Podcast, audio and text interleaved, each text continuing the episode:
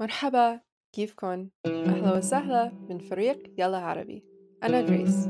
عادة بقدم البداية البودكاست بالإنجليزي لأنه نحن لما عملنا البودكاست استهدفنا الأشخاص يلي عم يتعلموا العربي وهن غير ناطقين باللغة. بس البودكاست هو بالعربي مش بالإنجليزي. المقدمة بس عم بتكون بالإنجليزي. أنا عم بحكي الإنجليزي بالمقدمة لحدا يمكن ما بيعرف العربي مية بالمية لحتى خلال دقيقة واحدة بيعرف عن الشخص بالحلقة بشكل مختصر فخلينا نبلش Hi and welcome back to today's episode of Learn Arabic with Transit Station محطة عبور by Yalla Arabi. Yalla Arabi is an educational project and Arabic academy started by an Arabic teacher and an Arabic student. We created an original curriculum for learning Levantine Arabic for all levels, from zero to advanced. And we also offer other dialects and Fusha. So please don't hesitate to reach out to us if you're interested in taking classes. We are always welcoming new students from around the world to take classes online and in person at our locations in Beirut, Damascus, Cairo, Amman, Dubai, Berlin, and in the United States. More information about classes can be found on our website. We're not just about the textbooks, though. As part of our educational project, we are also constantly working on creating materials, such as this podcast, for learners outside the classroom. Each and every episode of this podcast comes with a free PDF transcript and translation. These can also be found on our website, yellaarabi.com. So, thank you for listening to this podcast. It really means so much to us and encourages us to keep going. So, if you would like to join classes or support us through Patreon, you can find all of those links along with the link to the transcript of this podcast in the description. The life of Muzaffar al Nawab, contemporary Iraqi poet, political descendant, and prominent critic. Al Nawab led a fascinating and turbulent life. He was known for his prominent revolutionary poems and scathing invectives against Arab dictators, and lived in exile in many countries, including Syria, Egypt, Lebanon, and Eritrea. He is remembered as one of the most influential Iraqi poets of the modern era. Now, Samer will speak about his life in detail. Muzaffar al Nawab هو شاعر عراقي معاصر ومعارض سياسي وناقد بارز. ولد ببغداد عام 1934 لعيلة شيعية أرستقراطية من أصول هندية عيلة بتقدر الفن والشعر والموسيقى. خلال ترحال أحد أجداده بالهند صار حاكم لوحدة من الولايات فيها. قاوم الإنجليز أثناء احتلالهم للهند. فتم نفي أفراد عيلته خارج الهند واختاروا العراق كموطن للإقامة والعيش. أظهر موهبة شعرية بسن مبكر وكتب الشعر وهو بعده بالمراحل الأولى من الدراسة. وكانت تنخط قصايده على المجلة الحائطية بالمدرسة اللي كان يتعلم فيها من باب تشجيع وتنمية موهبته.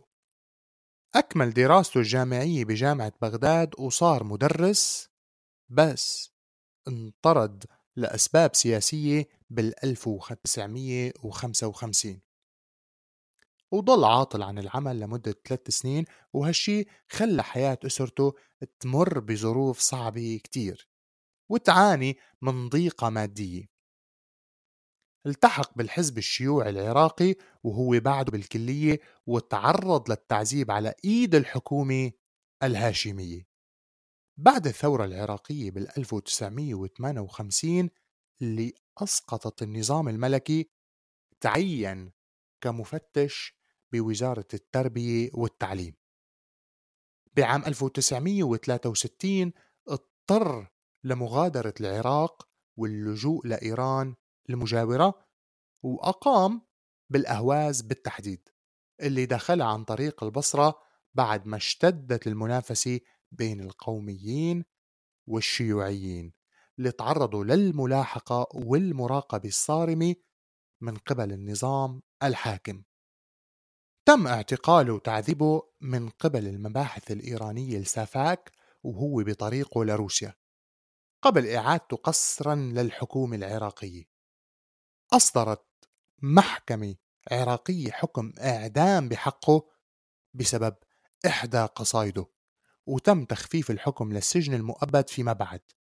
تم سجنه بسجن الصحراوي القريب من الحدود العراقية السعودية.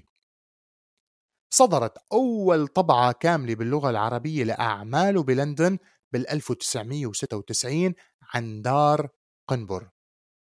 غالبا ما يلقب مظفر النواب بالشعر الثوري وشعره حافل بالرموز الثورية العربية والعالمية استخدم قصائده بإثارة المشاعر العامة ضد الأنظمة القمعية والفساد السياسي والظلم. بالإضافة إلى ذلك انوصفت لغته الشعرية بالقاسية واللاذعة. حكى مظفر النواب بقصائده عن موضوع المرأة والجسد والإنسان بشكل عام وعلاقته مع الله وخص بعض قصائده فلسطين والعدوان الإسرائيلي على مدينة غزة ورغم شهرة القصائد السياسية للنواب داخل العراق وخارجه إلى أنه شعره العاطفي والغزلي وخاصة اللي كتبه باللهجة العامية العراقية ما بقل جمال ورونق وسحر عنا. من أهم قصائده القدس عروس عروبتنا ويوميات عروس الانتفاضة وموت العصافير وفي رثاء ناجي العلي وقصيدة من بيروت وأيام العشق وسوف نبكي غدا وغيرها الكثير من القصايد اللي لاقت كتير من النجاح والأصداء اللي بيصعب ذكرى بهال بهالعجالي. كان النواب صاحب موهبة شعرية برزت بمرحلة مبكرة من حياته وتميز بأسلوب فريد بإلقاء الشعر وكان أقرب ما يكون للغناء أحيانا وخاصة لما يكون بمواجهة للجمهور. أما سياسيا كان النواب منحاز لقضايا الفقراء والبسطاء والعدل ومناهضة للاستغلال والاستعمار وأنظمة الحكم السائدة. ومشان هيك تعرض للسجن والملاحقة لفترة طويلة جوا وطنه العراق واضطر لاحقا لعيش منفي وبغربة ناهزت نصف قرن. من أشهر أقواله بيتهمني البعض بإني مبتذل وبذيء أعطوني موقف أكثر بذاءة من يلي نحن عايشينه.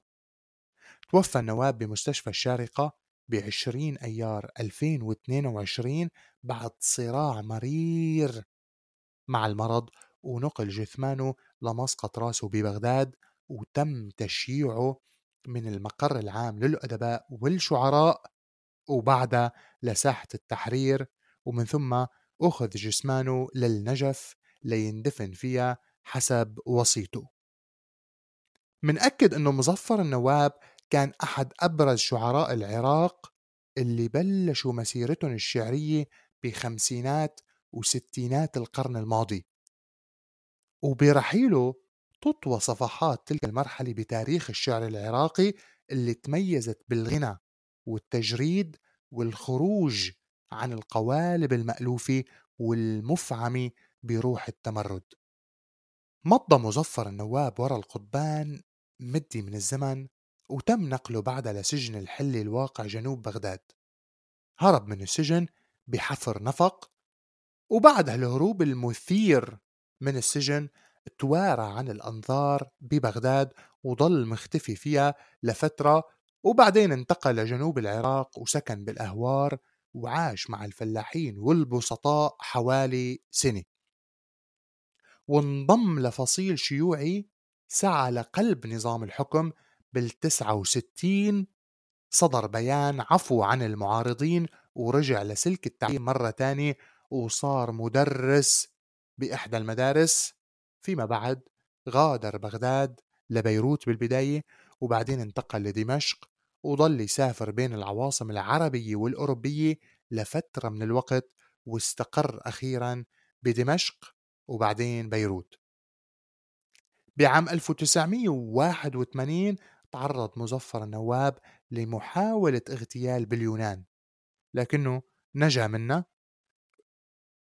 اشتهر مظفر بقصائده الثورية القوية وبالنداءات اللاذعة ضد الطغاة العرب. وعاش بالمنفى بالعديد من البلدان من سوريا ومصر ولبنان وإريتريا وأقام مع المتمردين الإريتريين قبل ما يعود للعراق. كان بدون جنسية وما كان قادر على السفر سوى بوثائق السفر الليبية وحصل عليها يوم حل كشاعر كبير بضيافة العقيد معمر القذافي وأقام بليبيا لسنين واتخذ من جواز سفره هوية رسمية. thank you